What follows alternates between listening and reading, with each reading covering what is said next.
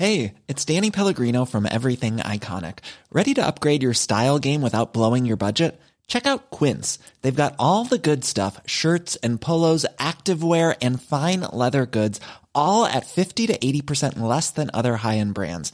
And the best part? They're all about safe, ethical, and responsible manufacturing. Get that luxury vibe without the luxury price tag. Hit up quince.com slash upgrade for free shipping and 365 day returns on your next order. That's quince.com slash upgrade.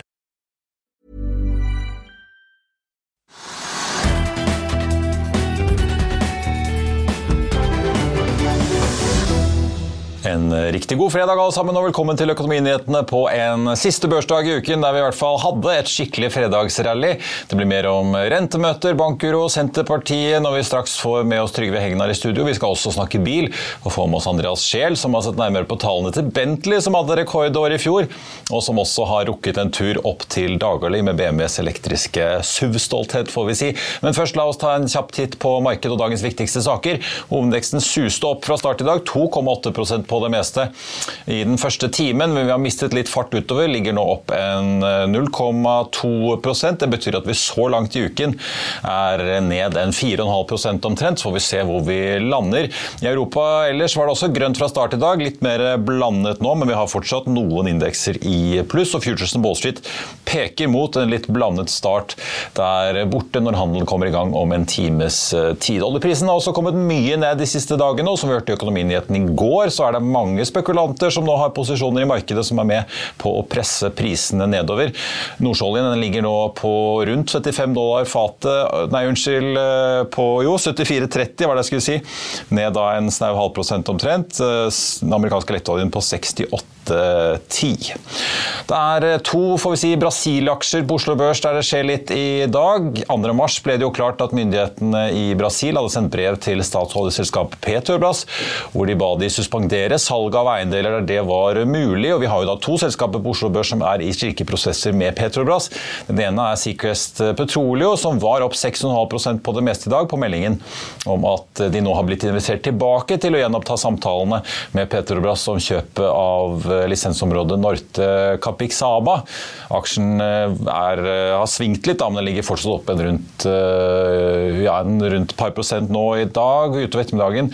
Og ligger nå på 5,90 kroner og 90 omtrent. Den ble jo da lansert på børsen på 6 kroner etter et priskutt da fra 10. BV Energy også i en prosess med Petrobras, og de fikk også den samme beskjeden fra Petrobras. Den aksjen er opp en rundt 7 i dag. Og så er det Atlantic Sapphire da, som altså har fått inn 55 millioner dollar i en rettet emisjon til 5 kroner aksjen. Der kommer det også en reparasjonsemisjon som kan gi 10 millioner dollar til. Aksjen, aksjen endte jo i går på 6,48, og den aksjen har vært eh, ned ganske mye tidligere, da 13% så langt i år, og 95% de siste to årene før denne emisjonen. I dag er vi ned nye 14% til 5,55 men da fortsatt en drøy halvkrone over emisjonskursen. De nye pengene skal få Atlantic Sapphire ifølge selskapet selv da i land med fase 1 av prosjektet deres med oppdrett på land i Florida, der de også får vi si, har fått et utvidet, eh, eller ny låneavtale da med DNB, som gir dem en utsettelse av forfallene på ett til to år i de forskjellige låneavtalene, med noe mindre låneramme. De sier også at de investerer minimalt med penger i fase 2 i prosjektet, før man er i balanse og får inn penger da på fase fase 1. Techstep 16% opp på Oslo Børs i går, og nye 7,6 i dag, til får vi si en markedsverdi på 435 millioner. Og Grunnen til at jeg nevner det tallet, er at uh, selskapet suser opp på en kontrakt med sykehusinnkjøp som kan løpe inntil fire år, med en verdi på inntil 650 millioner, altså mer enn det markedsverdien til selskapet er verdt. Leveransene ble vunnet av en anbudskonkurranse hvor de bl.a. slo ut uh, Telenor. Vil du bli oppdatert på det viktigste som har skjedd innen finans og næringsliv? Da er det bare å følge med, for hver morgen er jeg, Marius Lorentzen og aksjekommentator Karl Johan Malnes på plass i studio for å ta tempen på dagens marked i Børsmorgen. Og hver ettermiddag oppsummerer vi alt du trenger å vite i Økonominyhetene, og det blir selvfølgelig masse interessante gjester. Klikk deg inn på fa.no-tv, eller søk opp Børsmorgen og Økonominyhetene der du hører på podkast. På Børsmorgen i morges hadde vi besøk av Fearnley Offshores Jesper Schong og diskuterte Solstads storsalg av supply-båter til Tidewater. Men vi kom også inn på hva som er igjen i Doff når de nå vil gjøre et comeback på børsen til våren etter eh, konkursen tidligere i år. Bare se her.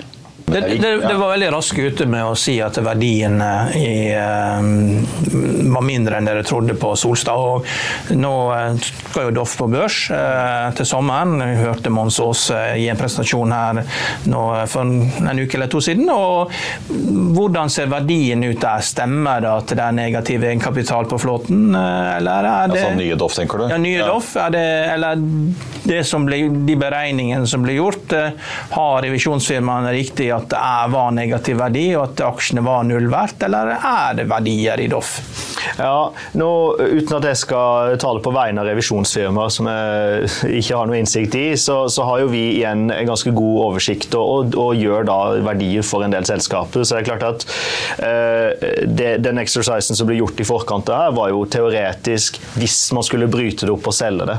Og Det å selge en så stor flåte av så mange skip, det ville naturligvis påvirka negativt den salgsverdien. Uh, når vi selger skip, så har vi jo veldig tydelig eh, strategi om hvordan vi markedsfører det skipet, til hvilke og i hvor, stor grad vi går ut osv. Eh, for å da selvfølgelig oppnå best mulig eh, transaksjonspris. Så eh, Den teoretiske exercisen ved å se at skulle man brytt opp og solgt alt, at man ikke hadde oppnådd utestående gjeld, det, fremstår fornuftig. Det fremstår som, en, som, logisk, sånn som jeg forstår det, uten at jeg måte skal Det er ikke min rapport. Nei, Nei. Det er nesten umulig å vite, altså det du sier at det er nesten umulig å vite hvis du ikke faktisk gjør Det er det. Og ser du, altså du nevner eh, Solstad sine ankerhåndtering og, og, og, konstruksjon. Dette er jo de segmentene som, som Doff har fokusert på. Doff var jo en av de aller mest, eh, aller mest kapable subsea-flåtene i hele verden. og eh, det er klart at eh, et, et inntog av mye tonnasje i den, den, delen av flåten vil jo da prege eh, transaksjonsverdien. Vi ser altså ut til å få et fall ett sted rundt 4-4,5 på Oslo Børs denne uken. Eh, og Trygve Hegnar, forrige uke var vi ned 2,8% men det er store svingninger eh, dag til dag, også her hjemme etter all uroen med disse bankene i USA og på kontinentet. Ja, altså Det er jo eh, svingninger som man egentlig ikke bør ha. da. Fordi man, Hvis man er investor, så blir man veldig nervøs. Men vi som da skriver og snakker om finans, vi syns det er veldig morsomt, selvfølgelig. Masse å følge med på. Mye å følge med på. Og så er det store spørsmålet nå det er jo da, liksom, er vi, Har vi disse krisene bak oss? Finanskrisene, bankkrisene. Og uh, kan man da på en måte si at ok, dette har vi opplevd, og vi har sett kursene gå opp og ned ganske kraftig. Skal vi nå ta posisjoner? Skal vi være i markedet, eller skal vi gå ut av markedet? og det er litt vanskelig å svare på. Jeg tror det at vi, ja, disse svingningene egentlig tyder på at det er for volatilt, det er for vanskelig. Så hvis man har muligheter til å sitte med liksom litt cash, så burde man egentlig gå ut av markedet. Men så, når det gjelder små, altså småsparere og fondssparere, så sier alle at man må sitte der i 20-30 år og ikke gjøre noen ting. Så det gidder jeg ikke kommentere engang. Men for de litt mer profesjonelle investorene så er jo spørsmålet liksom da skal man nå da bryte sjansen ved kursfall, en dipp, til å kjøpe seg opp og liksom få, få gjennomsnittskursen ned. Og, og, og, jeg tror ikke det foreløpig. Jeg mener at vi er ikke ferdig med krisen. men alle sier at vi er ferdige, og har, altså sentralbanken har grepet inn både i Sveits og i USA for å redde da banker, og det har de gjort ganske profesjonelt og ordentlig, raskt. Eh, men da vi var ferdig med krisen Nei, altså jeg kan liksom ikke tenke meg det. Jeg innbiller meg liksom at når det gikk så raskt i Silicon Valley-banken og i Credit Suisse, eh, så vil jeg tenke uten å noe øh, faktagrunnlag, at det er mer det er skjult der ute, at det kommer, vil komme frem ting etter hvert. Og at det er flere banker som har problemer. Og vi så da, Den første dagen da krisen kom, så så vi at masse sånne mellomstore og små banker i USA falt 20-30-40% Og Det tyder på at markedet egentlig spekulerte i at det var, var liksom, det lik der også. Så jeg vil si at øh, det er kjempespennende å se på. Svingningene er altfor store. Som du sa i sted, altså i dag så har liksom, markedet vært opp nesten 3% og så ramler det tilbake til så vidt over pluss. Og det, klart, og det skyldes i hovedsak akkurat nå oljeprisen den er liksom da Nå er den kanskje, mye tid, ja. kanskje 74 dollar, eller sånt, men det var nede i 71 dollar. Det er et ganske stort fall. og I går var det de store tunge oljeaksjene og oljeservice som, som da øh, altså de, de, som først steg 4-5 som falt til 4-5% og så har de fortsatt å falle i dag, eller altså da falle tilbake i dag. Oppgangen er en halv prosent etter hva man trodde at det skulle være en oppgang på 4% Så oljeprisen har i altfor stor grad øh, altså innvirkning på da kursfastsettelsen på de store oljeselskapene, på de store oljeserviceselskapene, og det er opp og ned som en jojo. Eh, jeg var jo ikke så stor da vi hadde bankkrisen i Norge på 90-tallet. Da gikk jeg vel i barnehagen fortsatt. Men du har jo fulgt disse krisene, og hva det de har jo sine egne karakteristika. vi skal si det. Jeg husker finanskrisen. Da var det jo dårlig lån rett og slett, som var gitt ut til eh, folk som fikk boliglån som ikke burde ha fått det.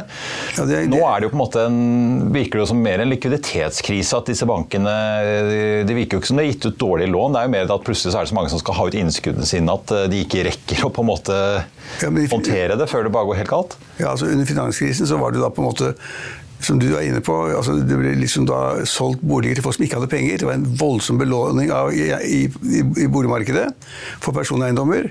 Og det ble drevet fremover av noen meglerhus, og så solgte de da de lånene de hadde da fått av kunder som ikke hadde råd til å betale renter og avdrag. Så tok man da pakket inn i pakke, så solgte man de lånene til da aktører i markedet og drev da en spekulasjon i de boliglånene. Og da det begynte å rakne, det var fordi at noen fant ut at det var utrolig mange som da ikke hadde råd til å eie de boligene. Og så måtte boligene selges på tvangssalg, og så raknet hele systemet. Så der var det en bakgrunn i en spekulasjon i boligmarkedet. Når vi går tilbake til min ungdom, da du nesten ikke var født engang, altså på begynnelsen av 90-tallet, da hadde vi bankkrise i Norge. og Det var fordi at man da hadde alvorlig store tap innen eiendomssektoren og andre steder. Og rentene var oppe i 15-20% og Det kan ikke noe boligmarked leve med. Til slutt så hadde bankene tapt så mye penger både på boliglån og andre ting at bankene hadde negativ egenkapital. Og Da gikk staten også inn da. Det har man glemt. Altså, vi var den gangen flinke, og like flinke som USA og Sveits nå. Da gikk staten inn og sa at ok, egenkapitalen har vært null. Vi tar alle aksjene i de største bankene, DNB, Kredittkassen. Nordea nå, de tok da liksom alle aksjene og sa ok, dere kan bare velge, vi tar bare alle sammen. Og dere får ikke fem øre igjen. Og da var det masse bankfolk som var rasende da på staten, som da i og for seg hjalp dem, men som tok alt. Og da var det null til aksjonærene, og alt da til staten. Og så satt staten, satt, satt staten på aksjene i noen, år, og så fikk de levert de tilbake i markedet. Det var ganske godt gjort, det var en god operasjon. Men det skyldtes da i hovedsak store tap, og rentene var blitt altfor høye. Ingen kunne leve de rentene. Og bedriftene på det tidspunktet hadde kassekredittrente på over 20 De kan man ikke leve med. Det har vi ikke i dag, men vi har jo hatt en kraftig renteøkning ja, så, likevel. Ja, så kommer det, Marius, det, poenget, så, det var de to krisene. Så har vi krisen nå. Og den krisen nå skyldes jo det, at vi har jo hatt nullrente i mange år. Har sagt, Mange har sagt at det liksom går ikke an å ha et system hvor renten er til, og med null. Det betyr at folk kan spekulere altfor mye. De kan kjøpe aksjer eller andre aktive klasser og betale null i rente på det, og det må, da må de tjene penger. Alle måtte tjene penger. Og så har rentene da i fjor høst og nå gått oppover hele veien. Og de rentene da er det da noen som ikke har klart å håndtere og ikke har, har kontroll med rentegreiene sine. Sånn som da i, i, i, Silicon Valley Bank, som da hadde masse innskudd, selvfølgelig. Alle banker har innskudd. Så hadde de plassert da masse av pengene sine i statsobligasjoner som de trodde var sikre. Som de da liksom da fikk 1 eller 2% rente på, eller lavere enn det. Og plutselig da renten steg i markedet, så sank verdien av obligasjonene. Og da hadde de plutselig negativ, ikke negativ egenkapital, i nærheten av negativ egenkapital. Fordi da renten gjorde et mye viktigere element dag for dag, også frem, for, akkurat nå også. Så spørsmålet er liksom, Hvis rentene fortsetter å stige, det tror jeg, så vil da på en måte obligasjonene som mange banker har i sin portefølje, bli mindre og mindre verdt, og egenkapitalen blir mer og mer utsatt. Og Da kan man igjen oppleve det at de som har innskudd, går i banken og sier 'jeg vil ha pengene mine', og så får de masse penger, og til slutt så sier banken 'nå har vi ikke mer penger'. Og så må da folk undersøke ja, de har ikke mer penger, men de har noen statsobligasjoner. Ja, men de har bare vært en tredjedel, to tredjedeler, halvparten av hva det har vært før, og så går banken over ende. Ja. Så det er, det, er litt, det er, litt, systemkritisk, det man ser. Altså når rentene går opp som nå, så får det konsekvenser i mange markeder. I Norge fikk det konsekvenser at bankene tapte penger, og at rentenivået var kjempehøyt. Og Under bankkrisen så var det spekulasjon i boligmarkedet, som da på en måte sprakk. Fordi det var altså millioner av kunder som ikke hadde penger til å betale lånene sine med, men de hadde kjøpt eiendommer de ikke ante hva var. Men da har vi jo sett øh, den sveitsiske nasjonalbanken suse inn i likviditet i Credit Suisse. Vi har sett flere amerikanske storbanker eh, med JP Morgan og, og City Europe og Back of America i spissen suse inn og sette inn innskudd, for de får jo masse penger inn om dagen, folk flytter pengene dit, så setter de innskudd i First Republic i California. Men veldig mange gikk og ventet på hva ville da den europeiske sentralbanken gjøre i går, og veldig mange går og venter på hva vil den amerikanske sentralbanken gjøre neste onsdag. ECB valgte å øke med 0,5 prosentpoeng, som de har lovet tidligere likevel. Sa de følger med, er klare for å stille med likviditet, men renten skal opp, for inflasjonen er for høy. Ja, det er jeg enig i. Det, det, vi så, var at sentralbanken sa det at for oss er det viktigste å få pris, altså prisveksten ned. Det kan vi bare oppnå ved en høyere rente. Det gjennomfører vi. Så selv om man har hatt uro i markedene og man er litt usikker på liksom hvor aksjekursen vil gå, og man er litt usikker på om økonomien da vil bli på en måte redusert ved alle disse altså nesten-fallittene. Og det er så mye uro i finansmarkedene at veksten i økonomien blir lavere, og at presset på økonomien blir svakere, slik at man får et lavere utvikling i prisnivå. Og prisnivået skal jo ned på 2% Det er da liksom det er liksom 8-9% i Europa fortsatt. ikke sant? Da, men 6% i USA så vi fortsatt? Ja, ja og i, i, i, Sverige, i, Sverige, så er det kanskje 10-12% eller sånt. Men sentralbanken i, i EU sa helt klart at vi sikter på å få inflasjonen ned. Vi viker ikke fra målet. Det, det betyr at renten da gikk opp 0,5 prosentpoeng. Den kommer til å gå opp mer siden. Og I neste uke har vi da en eh, rentemøte i Norge. Kommer renten til å bli satt opp? Ja, den kommer til å bli satt opp. For også Norges Bank sikter på å få da prisveksten ned, og da må renten opp. Så vi er fremdeles i de banene eller veiene vi var i for noen uker siden, selv om vi har fått av masse uro i finansmarkedene. Ja, for nå er vi vel på 3% i Europa så de har jo egentlig da passert oss. Vi er jo på 2,75 her hjemme. Ja, Tror du fortsatt 3,75 er liksom Marius, det er et veldig godt poeng. for hva, hva, hva, har det mest betydning for? For kronekursen. Den synker som en stein. Helt ute å kjøre. Ja. Ja, altså, er, mot EU, EU, så er da euroen så er da, nå er det 11, 11 11,42 ser jeg her på skjermen min. Ja, 11, 38, Sist jeg så på det, var 11,38. 10,75 på dollar. Ja, Så det går den gærne veien. Altså, kronen vekster kraftig. Og hva betyr det? I første rekke betyr det at uh, eksportindustrien får det litt lettere. for at det liksom, norske varer blir billigere. Men alt det vi importerer, blir mye dyrere. Så det blir en importert prisvekst. Og den prisveksten kommer på toppen av det vi nå har sett hittil. Og det betyr igjen at et element som underbygger det for, det, det, den konklusjonen, at Norges Bank kommer til å øke renten i neste uke. På samme måte som de kommer til å øke renten i USA. De kommer til å øke I'll see you in court. Vi sier det ofte litt på spøk, men for deg som driver business, er det aldri moro å innse at du ikke har laget en 100% gyldig kontrakt. Du bør ikke risikere hele firmaet ditt fordi du synes dette med kontrakter er litt stress. En avtale er ikke en avtale. Du kan miste kunder, miste venner, ja, til og med miste inntekter om du ikke lager en skikkelig kontrakt, på alt mulig, egentlig. Men vi vet det er et styr. Kopimaskiner, tregprinter og haugevis av papir. Dessuten stoler vi jo på folk her i landet. Det er ofte litt kleint å skulle be om en signatur for alt mulig, ja, for mye av styret handler også om jakten på underskriften. Det finnes en enkel måte å løse dette på, Dukkobit, en trygg, effektiv og get this, gratis måte å sikre seg en god natts søvn pluss en juridisk bindende avtale. Dukkobit-appen har de strengeste sikkerhetskrav i bunn, samt en EU-godkjent og sertifisert teknologi. Framover vil det bli behagelig å spørre du, skal vi skrive under på det, eller? Kom i gang på dokobit.no renten i euroområdet. Så fremdeles er det slik at mange må passe på aktivaklassene sine, fordi at rentene øker og øker. og Det får konsekvenser for aksjepostene dine. Ja. Og det får konsekvenser for obligasjonsporteføljen din. Og dette er ikke veldig vanskelig. Nei, ser, nei apropos, har, En av de vi har fulgt med nå, er jo, det ene er jo REC, som vi vet må refinansiere et stort lån. PGS er jo ute og henter penger i obligasjonsmarkedet, men det har vært veldig stille spekulasjonene flyr jo om hva rentenivået skal ende på nå etter den uroen vi har hatt. Og folk spør også hva skjer med finansieringskostnadene til bankene her hjemme, selv om de er godt kapitaliserte.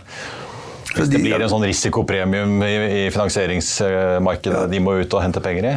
Ja, jeg vet ikke akkurat hvordan bankene vil håndtere det, men det jeg vet er at, at rentene har gått såpass mye kraftig opp, og risikoen har økt såpass mye, og långiveren er mer bekymret. Og det betyr at hvis du er obligasjonsmarkedet nå, så må du betale mellom 12 og 14% på lånene dine. Og det, ganske, det svir ganske kraftig. Det det, og, det, og, det, blir ikke bedre, iallfall ikke i de nærmeste, i de nærmeste månedene eller halvåret engang. Så det, det, er faktisk litt skummelt. Og så vi, har vi gledet oss over at hele Oslo Børs på én dag spratt opp 4% Neste dag så falt det med 2 ikke sant? Så det er kjempeskummelt. og Jeg kommer tilbake til mitt hovedspørsmål da vi begynte. det er liksom, Hva gjør man nå? Øker man beholdningen av aksjer i tiden da for å liksom fange opp såkalt billige aksjer? Fordi det angivelig er et fall som da kommer til å bli liksom tatt igjen ganske snart. og jeg tror at dette, Så krisen er vanskelig. Den kommer til å vare nettopp fordi at disse renteforventningene, ja, i hvert fall mine, er at renten skal opp. Og det får så stor betydning for disse mange aktive klasser at mange kommer til å få store tap. Og vi er ikke gjennom de tapene. Ikke i nærheten, etter min mening. Nei ting skal refinansieres, og da, er da ofte regningen går opp. Til slutt skal vi snakke litt om Senterpartiet, som har landsmøte i dag, hvor også Trygve Slagsvold Vedum varslet en nyhet. Mange trodde kanskje det skulle være noe med roller i partiet eller noe gå skatt. Gå av, kanskje gå av. Eller at han skulle gå av, det kunne man kanskje spekulere i. Men uh, han har fått MS, sier han. Fikk det i 2020. Går greit med medisineringen? Ja, altså Det er jo litt trist å høre, da. Ja. Uh, men det er jo noen år siden han fikk det. Og så er ikke en ekspert, jeg er ikke en medisinsk ekspert, men det er avhengig av hvordan det virker over lang tid. da. Men til tilsynelatende er det slik at det ikke påvirker hans arbeid som partileder. Og det påvirker heller ikke hans arbeid som finansminister, sier han og sier miljøet rundt han. Og han sier at om 50 år kommer vi til å se tilbake på innføringen av lakseskatten som noe lurt. Men nå har de landsmøte, og de, på det landsmøtet så går de inn med en velgeroppslutning på ca. 6% Det er halvparten av hva de fikk ved valget, altså i, i, i 21. Eh, Og da fikk de vel 13,5% eller sånt, og så det ligger på halvparten nå. Det er krise for Senterpartiet. Og de har nesten ingen politikere som er populære og som folk syns noe godt om. Jeg ble plutselig blitt fan av Borten Moe. Ja, du sier jo nok om å stemme Senterpartiet og fortsatt komme levende fra de selskapslige. ja, og alle har jo da liksom høvlet ned på Senterpartiet. Jeg òg, gang på gang i lederkommentarer og på andre måter.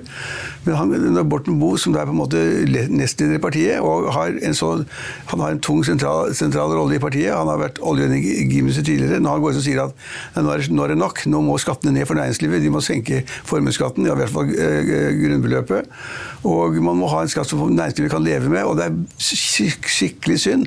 Det er så mange som har stukket av i Sveits. Vi vil gjerne ha de hjem igjen. Vi trenger de i Norge, slik at de skal da lage- sette i gang med nye investeringer, skape arbeidsplasser, en sunn økonomi. Så han sa alt det riktige, og han mener det. Så at han da, liksom da kom på landsmøtet og er den stjernen der med det programmet å få skattene ned, det er jo kjempebra. Og samtidig så knurrer jo SV i korridorene, for de, skal også, de vil nå gjerne inn i regjering. Men de, de Og har- for ny partileder Audun Lysbakken hadde jo sin avskjedstale. ja, og den nye partilederen er kjempekeen på å få skattene opp. Så det tyder jo på at da Senterpartiet, eller SV ikke kommer inn i regjering ennå foreløpig. Så jeg tror vi må avvente da om det skjer noe mer spennende, spenn- mer spennende på Senterpartiets landsmøte. Men jeg tipper at det ikke kommer mer om sykdommen. Den tror jeg liksom var en sånn innfall eller utfall, eller hva det måtte være. Det, kunne jo vært at, han da på en måte ville trekke seg, eller at Senterpartiet ville gå ut av regjeringen. Eller, det har begynt i, I sentrale Senterpartikretser så er det, er det da kommet stemmer som sier at man må liksom gå ut av regjeringen før partiet går over ende. Ja, husk at Partiet var i en liten periode for et par år siden oppe i 20% oppslutning.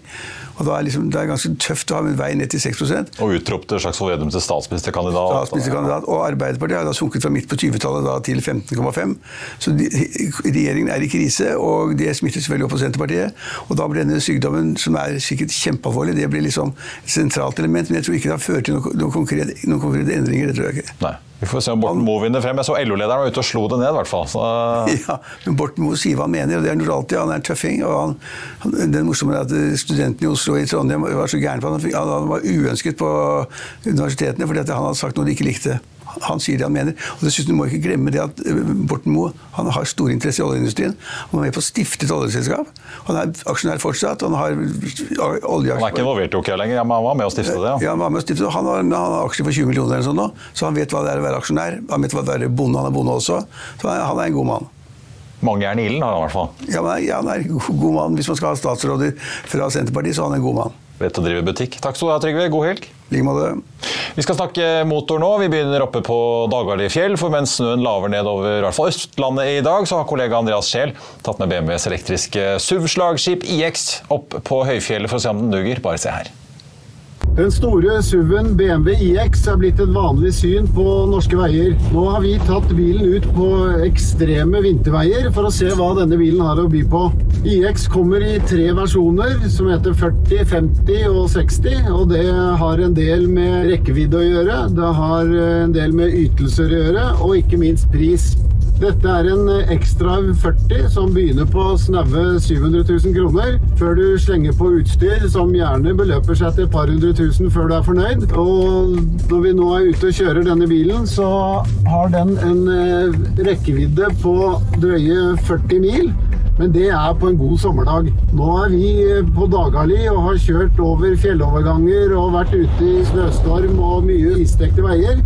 Og da spises rekkevidden skikkelig fort opp. Har du mer enn 25 mil til hytta, så må du nok vurdere et eh, ladestopp på veien. I hvert fall hvis du har denne 40-versjonen. Du kommer litt lenger med 50 og 60. Eh, Når du da skal lade, så kan du få på 150 kW, eh, som er ladeeffekten på bilen. Det oppnådde ikke vi da vi stoppet på Rødberg oppe i Numedalen for å komme oss over fjellene her, men periode gjør at eh, bare på den tiden det tar å gå på do og kjøpe en kopp kaffe, så har du mer enn nok strøm for å komme frem, med mindre du skal ekstremt langt. Denne bilen er også oppsatt med kontinentale vinterdekk, som er litt eh, stivere og hardere enn de vanlige dekkene. Men eh, vår erfaring er at eh, det byr ikke på noen problemer, med mindre du mister hodet, og det skal man jo ikke gjøre uansett. Fordelen er selvfølgelig at disse dekkene har bedre egenskaper når du kommer deg ned i lavlandet på tørr asfalt. Så det er ikke noe risikosport å kjøpe de dekkene istedenfor de bløtere dekkene som du kanskje ikke vil ha like mye glede av når du kjører en BMW på asfalt, slik som en BMW fortjener å kjøres.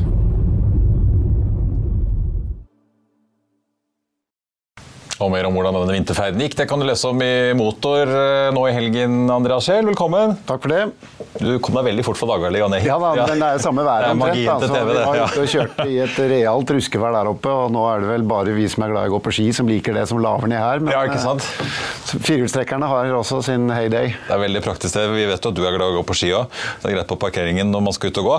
Eh, Du, skal vi begynne å snakke litt med Bentley før vi snakker båt? Ute med rekordtall, den eh, britiske bilprodusenten. Ja da, de, eh, til tross for, som de sier, et ganske problematisk år med krig og delemangel og sånne ting, så økte jo salget deres litt, grann, bare noen prosent, men omsetningen og ikke minst inntjeningen øker jo. Ja. Så dette er en del av den strategien de har om at de klarer da å få folk til å kjøpe toppmodellene med størst motor, mest mulig utstyr, også spesialmodeller som de lager bare en håndfull av, priser høyt, og kundene river det, hiver seg over det og kjøper det gladelig. Ja. Så dermed blir eh, bruttomarginen over 20% og det er målet deres å ligge der òg. Bare ha Continental eller Bentayga lenger. Du må ha sånn superspeed. Eller Nemlig et eller annet spesielt som Ja. koster det dobbelte av de vanlige bilene så fort, og 8-10-12 millioner. Nå ser vi jo Ferrari kommer jo nå med sin eh, Puro Sangue, eller hva det Ja, heter. Purosang, som de sier ikke er en SUV, men det er Ferrari crossover i hvert fall. Ja, Ja. Men alle disse produsentene, Ferrari, Lamborghini, Bentley, Rolls-Royce, alle har jo pøst ut med SUV-er crossover de siste årene. Ja da, og det er tydelig det folk vil ha. Selv om det nå også etter hvert blir elektrifisering, så er det SUV-er fortsatt som selger. Ja. Du, eh, vi må snakke en litt sånn symbolsk hos eh, Bentley òg. For så vidt jeg skjønner, så har de altså produsert 100 000 stykker av denne W12-motoren, som vel de egentlig fikk inn via Volkswagen, men som har jo vært en litt sånn symbolsk Ja. eh, motorisering for dem i mange år. Ja, Absolutt, og de sa i forbindelse med presentasjonen da de lagde den motoren, at de håpet å kunne produsere 10 000 motorer i løpet av noen år. Men nå har de da, som du sier, produsert over 100 000. Men eh, allikevel, eh, nå er det slutt. Eller ikke nå, men i løpet av neste år så er den motoren ferdig. Så da blir det vel en eh, V8 og V6 med turbo og med elektrisk eh, drift i tillegg. Så ytelsene går nok ikke ned, men størrelsen på motoren går ned. Ja. Det liksom vi så nye, det er vel C-klasse AMG, hvor det plutselig er firesylindret motor igjen. Ja da, den eh, dagen Det er ikke mange år siden det var V8 i den C-klassen. V12-er og V10-er og også V8-er er dessverre på vei ut for mange, men eh, til glede for andre som syns at elbiler og grønn, grønne biler er eh, alt, alt det beste. Ja, sikkert, det finnes sikkert noen brukte Bentleyer med W12 noen år til. Helt sikkert. Jeg tror mange av de kanskje kommer til å bli bevart lenger enn de ellers ville gjort. Det kjøres vel pent. Ja. Ikke så mange kilometer i året. Eh, litt båt også. Jeg ser i helgen så har dere i hvert fall skrevet om eh, Sunseekers nye 75-foter. Ja, det er kollega Rangvald som har vært på båtmesse i Düsseldorf og sett bl.a.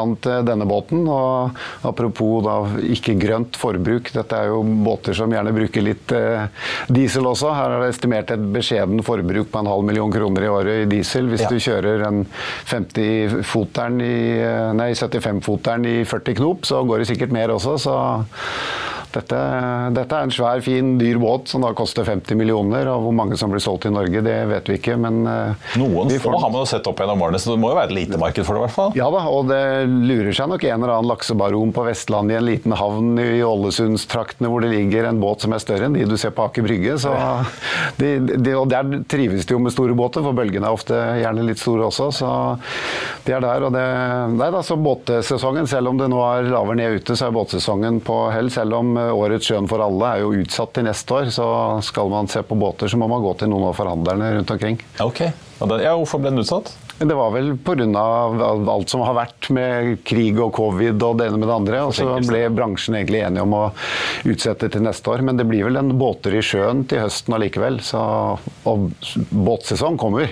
Båtsesongen kommer, det vet vi. Tidlig påske, og alle skal ut og pusse båten sin da. Så nå blir det en lang sesong på sjøen i år. Og motor vet vi også kommer, så det er bare å glede seg til i morgen, enten på dørstokken eller avishosken. Og flere båter også. Alt Og mer båter, i tillegg til, eh, for de som ikke er så interessert i el, testa Mercedes-Benz eh, GLC. Nemlig. Ja. Det, og også en annen plug-in fra Citroën, C5X. Så Det er, eh, får vi si, ting å velge i.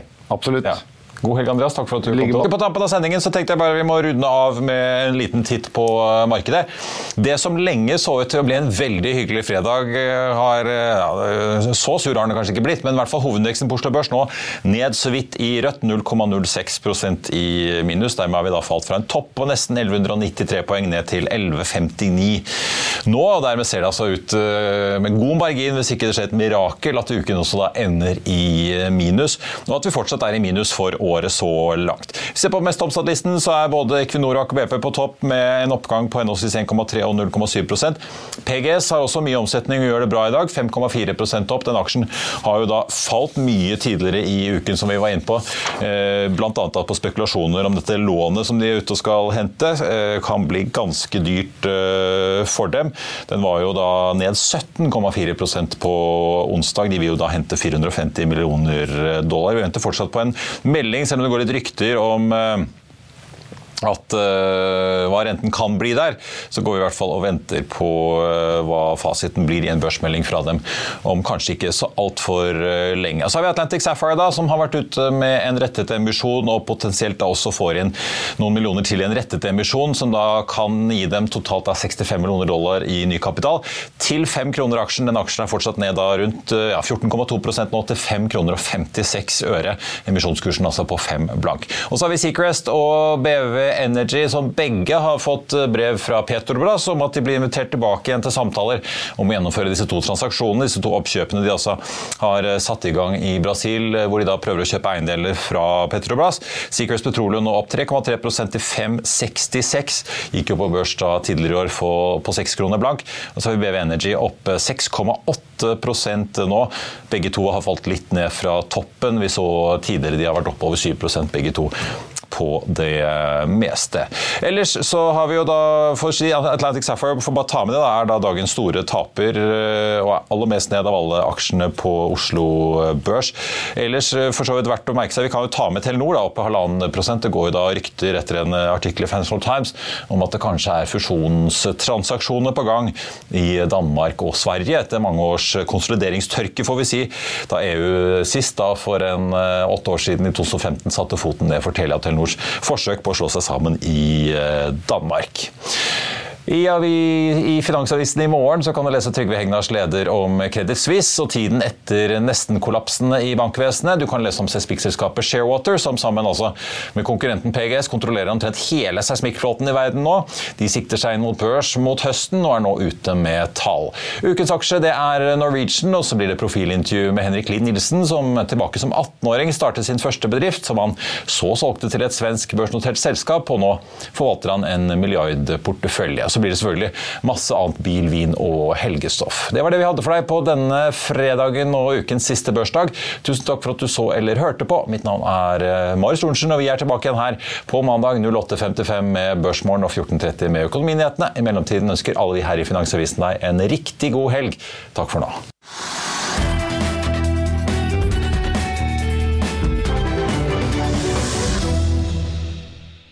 Økonominyhetene er en podkast fra Finansavisen. Programledere er Marius Lorentzen, Stein Ove Haugen og Benedikte Storm Bamvik.